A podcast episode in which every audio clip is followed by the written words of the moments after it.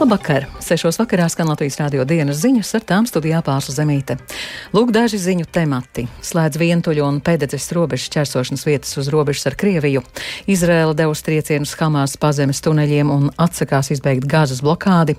Saimā konceptuāls atbalsts iecerēja hipotekārajiem kredītiem noteikt 50% likmes atlaidi.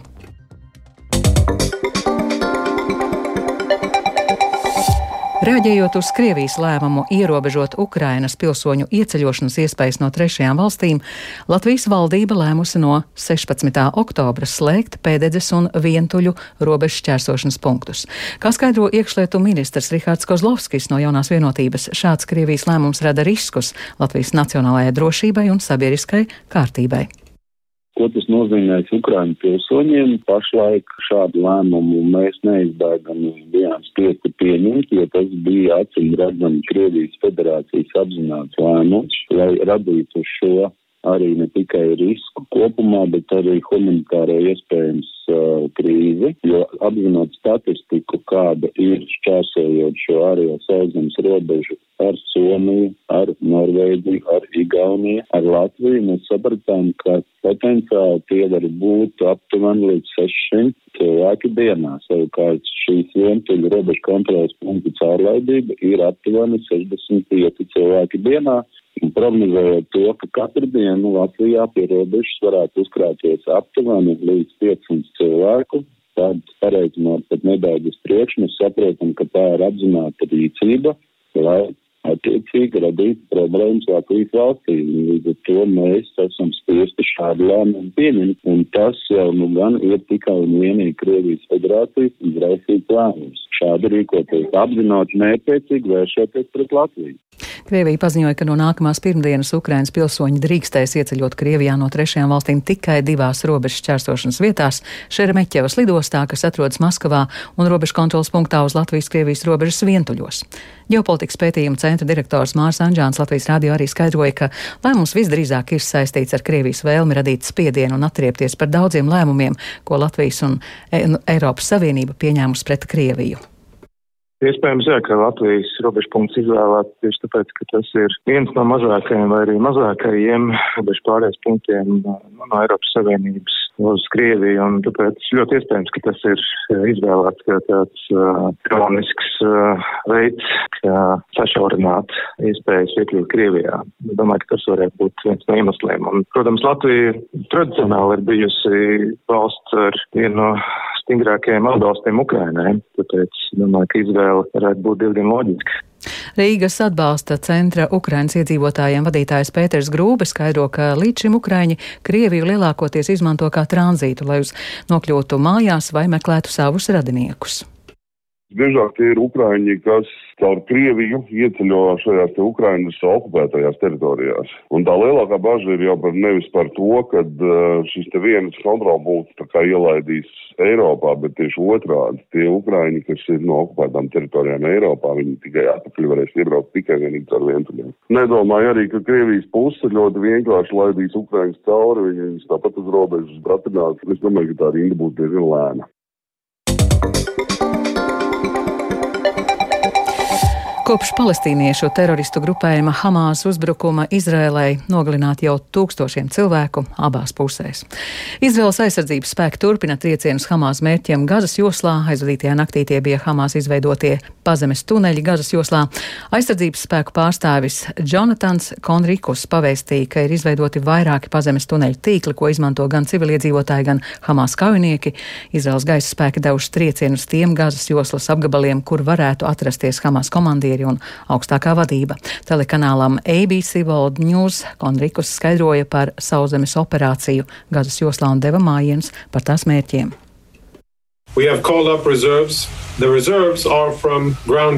Mums ir mobilizēti rezervisti. Rezervistos ir sauszemes vienības, kainieki, bruņotehnikas vadītāji, artilēristi, sapieri, kara izlūki. Tātad, pamatojoties uz šo informāciju par rezervistiem, kurus esam iesaistījuši, var saprast, kādus uzdevumus tiem būs jāizpilda. Un pēc šī kara beigām Hamāšs vairs nekad nebūs militāro spēju nogalināt vai ievainot Izraēlas civiliedzīvotājus. Tā Izraels aizsardzības spēku pārstāvis Jonatans Konrikus. Tikmēr Izraels premjerministrs Benjamins Netanjahu pirmajā preses konferencē pēc krīzes laika vadības izveidošanas paziņoja, ka Izraela iznīcinās Hamas tāpat, kā tika iznīcināts viens cits bēdīgs slavens teroristu grupējums. עברנו להתקפה. כל איש חמאס הוא בן מוות. Mēs pārējām ofensīvā. Katrs Hamas kaujinieks kļūs par mironi. Hamas ir islāma valsts, un mēs uzvarēsim un iznīcināsim Hamas, tāpat kā pasaule uzvarēja un iznīcināja islāma valsti. Sek vehisel et Daesh. Netaņāho arī uzsvēra, ka krīzes laika valdība izveidota jau uz spēles likts valsts liktenis, kurai jau nākas saskarties ar spiedienu par gazas joslas blokādi. Arābu līgas dalība valstis pieprasījušas, lai Izrēla ļauj humanās palīdzības kravām sasniegt gazas civiliedzīvotājus. Ar līdzīgu raksturu paziņojumu nāca klajā arī ANO ģenerālsekretārs. Savukārt Izraēlas enerģētikas ministrs Izraēlas skats paziņoja, ka līdz brīdim, kamēr Hamas kaujinieki neatbrīvos sestdienas uzbrukumā sagrābtos ap 150 ķilniekus, Izraēla blokādi neizbeigs. Briselē, kur noslēdzas NATO valstu aizsardzības ministru sanāksme, ja vakar galvenā uzmanība tika veltīta Ukrainai, tad šodien lielākā mērā priekšplānā izvirzījusies situācija Izrēlā. Stāvot blakus NATO ģenerālsekretāram Jensam Stoltenbergam, ASV aizsardzības ministrs Lloyds Austins vēlreiz apliecināja, ka Vašingtona palīdzēs Izrēlai aizstāvēties pret grupējumu Hamas teroristiem. I know you share our outrage at the terrorist attack uh, on Israel by Hamas here. Es zinu, ka jūs, tāpat kā mēs, esat sadusmoti par neseniem Hamas teroristu uzbrukumiem Izrēlai un atbalstāt mūsu apņemšanos palīdzēt Izrēlai tās tiesībās uz pašaizsardzību. Es gribētu tikai piebilst, ka NATO pašlaik ir tik spēcīga un vienota, kā es nekad iepriekš to nebūtu redzējis. Un kā jau jūs labi zināt, esmu bijis saistīts ar NATO daudzus gadus. Alianse joprojām paliek par būtisku fórumu konsultācijām, lēmumiem un rīcībai transatlantiskās drošības jomā. Uh, decision and action for transatlantic security. Latvijā par Reizeknes pašvaldībā konstatētajiem finanšu pārkāpumiem Finanšu ministrija vērsusies ģenerāla prokuratūrā un citās tiesības sargājošajās iestādēs, lai tās izvērtētu Reizeknes domas priekšsēdētāja Aleksandra Bartaševiča no partijas kopā Latvijai un domas darbinieku atbildību. Reizeknes vadība ir apstiprinājusi, ka pieņemot 2023. gada budžetu tajā netika paredzēts viss nepieciešamais finansējums. Kopā Reizeknes pilsētas pašvaldības finanšu stabilizācijai līdz gada beigām vajadzīgi 6 miljoni eiro. Vairumam hipotekāro kredītu ņēmēju uz laiku par 50% mazināt aizņēmumu procentu maksājumus, to paredz saimā pirmajā lasīmā vienbalsīgi atbalstītie likuma grozījumi. Likuma projekta autori no saimnes budžeta komisijas pieļauj, ka piedāvāto regulējumu papildinās un pārvērtēs, apzinoties arī tiesvedību risku ar banku sektoru. Tomēr priekšlikuma būtību tas nemainīšot. Par saimnes deputātu argumentiem vairāk Jāņa Kīņš ierakstā. Saimnes budžeta un finanšu komisijas virzītie likuma grozījumi tapuši ņemot vērā strauji augušās Eiribor likmes. Tās Latvijā šobrīd ir vienas no augstākajām Eiropā, pārsniedzot 6%. Likumprojekts paredz, ka bankām no šā gada 1. novembra līdz nākamā gada 31. oktobrim būtu par 50% jāsamazina aizņēmumu procentu maksājumu tiem, kuriem tas ir vienīgais hipotekārais kredīts un kura kredīta atlikums nepārsniedz 250 tūkstošus eiro. Sagatavoto likumprojektu pamato Saimnes budžeta un finanšu nodokļu komisijas vadītājs Jānis Rērs no jaunās vienotības. Ņemot vērā, ka mūsu kredītņēmējiem pārsvarā ir noslēgta līguma ar mainīgo likmi, Eiribor likmi, un 6% ir tikai pastāvīgā likme. Šī kāpuma rezultātā mēs esam stabili līderi hipotekāro kredītu procentos. Likumprojekta anotācijā arī secināts, ka šāds regulējums radītu tiesiskus riskus un ietekmi uz kreditēšanas un investīciju vidi nākotnē. Vērtējot šos riskus, Saimnes budžeta komisijas priekšsēdētāja biedrs Andris Šuvājevs no progresīviem uzsver, ka līdz likumprojekta galīgajai pieņemšanai vēl varētu apspriest, cik lielā apjomā uz laiku ierobežot kredītu procentu maksājumus. Te ir jāatcerās, ka mēs šeit tomēr runājam ne jau par tādu ierastu valsts atbalsta programmu, bet tomēr par to, ka bankām, skatoties uz viņu peļņas rādītājiem, ir nepieciešams sniegt lielāku atbalstu viņu klientiem. Un es uzskatu, ka šis klientu lokus, kam atbalsts ir jāsniedz, ir tomēr plašāks nekā šaurāks precizēšana ir iespējama, bet priekšlikuma būtība paliks kāda tā ir. Vienlaikus par kritiskāku vārdu parūpējās deputāts Māris Sprindžuks no apvienotā saraksta, pārmetot koalīcijai ķeršanos pie pēdējā salmiņa. Nē, šis nav vēsturisks lēmums. Mēs patiesībā jau kuro reizi ejam šajā kreisajā virzienā, subsidēt visus pēc kārtas un regulēt cenas. Mēs salaižam visu dēlī, tik tālu, ka jau vairs nav kur likties, un tad glābjam ugunsgrēku. Tas pats notiek bankām, nenotiek banku konkurence, ka mums ir augstākie kredīti pievienotie procenti Eiropā. Pirmajā lasījumā atbalsts šim likumprojektam bija vienbalsīgs. Par to nobalsoja 90 klātesošie saimnes deputāti. Jānis Kincis, Latvijas Radio. Rotaļu un atpūtas vietu skaits Rīgas apkaimēs nākamajā gadā palielināsies par 17, un tādējādi galvaspilsētas dzīvojamos rajonos tādu vietu skaits būs jau vairāk nekā 120. Tāds ir pašvaldības plāns. Atpūtas vietu projektēšanai nepieciešamo naudu šodien vienbalsīgi atbalstīja domas atbildīgā komiteja, vairāk Viktors Demidovs. Jaunas rotaļu un atpūtas vietas nākamajā gadā pašvaldība paredz izveidot piemēram Purcēmā, Vecmogrāvī, Pļauniekos un Šampēterī.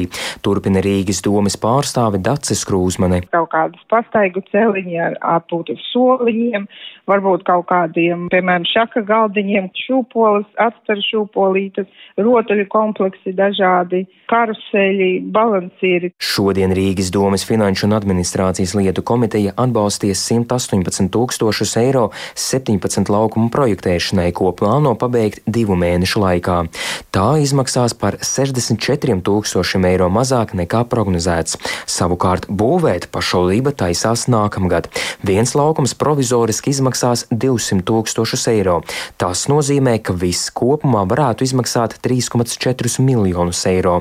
Uz šādām izmaksām skeptiski raugās Rīgas apkaimju alianses vadītājs Māris Jansons. Domāju, ka tur ierēģi iet pēc tāda principa. Kā mēs iepriekš esam, mums bijušas tādas problēmas, ka inflācijas dēļ nevar uztaisīt iepirkumu, neviens nepiesakās, tad labāk paprasīsim vairāk. Citu lietu, vai viņiem pēc tam politiķi piešķirs, un tas lielākais risks šeit bažas, ka varbūt pēc kāda laika viņi teiks, nē, nu labi, 17 mums naudas nav, mēs uztaisīsim 5. Pašvaldībā informē, ka jaunus rotaļu laukumus nākamajā gadā paredzēts izveidot arī pie skolām. Viktors Demidovs, Latvijas radio. Un par sportu Nacionālajā hokeja eh, līgā regulārās sezonas pirmajā spēlē Teodora Bļūgera pārstāvētā Vankūveras Kanaks ar 8-1 sagrāva Edmontonas Oilers, taču Bļūgers nebija Kanaks pieteikumā savainojuma dēļ. Šonakt NHL sezonu sāks arī citu latviešu hokeistu komandas. Zemgus Girgensons un Buffalo Sabres spēlēs pret Ņujorkas Rangers, Elvis Mirdikins un Kolumbusas Blue Jackets pret Philadelphijas Flyers, bet Uvis Balinskis Floridas Panthers sastāvā iespējams varētu debitēt pret Minnesotas Wild. Belinskis, Balinskis ir viens no septiņiem aizsargiem Panthers sastāvā un pārbaudas mačos viņam tika dotas iespējas spēlēt arī vairāk nekā 20 minūtes mačā. Latviešu hokeistu pēc viena no pēdējiem treniņiem uzteica Panthers galvenais treneris Pols Morijs. He's, uh... Viņš sevi pierādīja nometnē. Pirmajās piecās dienās kādu ir grūti novērtēt, jo tas ir ļoti smags nometnes posms, un tam ir grūti tikt cauri. Ir spēlētāji, kas pēc tā tā arī neatgūstas, bet ir tādi, kas kļūst stiprāki. Viņš tiešām ir kļuvis būtiski ātrāks. Neteikšu, ka par to esam pārsteigti, jo mūsu skauti labi pastrādāja, lai Uvi vispār atrastu, bet mums patīk viņa potenciāls. Viņš spēlē bezbailīgi, mums patīk, kā viņš kustina ripu, iesaistās mūsu uzbrukumos un arī jauc pret pretinieku uzbrukumus. Viņa spēlē nav nervozitātes. To noteikti nevar redzēt laukumā. Un vēl šovakar sāks Rīgas starptautiskais kinofestivāls. Atklāšanas pasākuma sarkanajam paklājam jau pēc 15 minūtēm, 18.30 varēs sekot līdzi LSM LV tiešraidēs. Savukārt uzreiz pēc tam interneta tiešraides skatītāji varēs noskatīties festivāla pērnā gada galvenās balvas laureātu filmu Dievzeme. Ar to izskan Latvijas rādio dienas ziņas producenta Vija Brēmze, ierakstus montēja Renāša Teimans, par labskaņu rūpējās Rita Karnača, ar jums runāja Pārsla Zemīte. Rīgā 12 grādi rietumu vējš 6 m2, gaisa spiediens 753 mm, gaisa relatīvais mitrums 68%. Kāds laiks gaidāms turpmāk, prognozē Toms Brīcis. Piektdienas laikapstākļi Latvijā būtiski nemainīsies, vējš kļūs mazliet lēnāks, lietus nav gaidāms un temperatūra agri no rīta būs 4 līdz 9 grādi piekrastē, 10-11 grādi, dienā 10-13 grādu robežās. Sēsdien ar brāzmainu dienvidu, dienvidu rietumu vēju Latvijā uz brīdi ieplūdīs siltāks gaiss un maksimālā temperatūra būs no 14-15 grādiem kurzemē līdz pat 18-19 grādiem zemgalē un latgalē. Bet līdz vakaram visu valsti pārņems iespējams plaša lietus zona, un no svētdienas jau kļūs vēsāks. Nākamās nedēļas sākumā naktīs temperatūra būs ap nulli, bet dienās pārsvarā 5-11 grādi.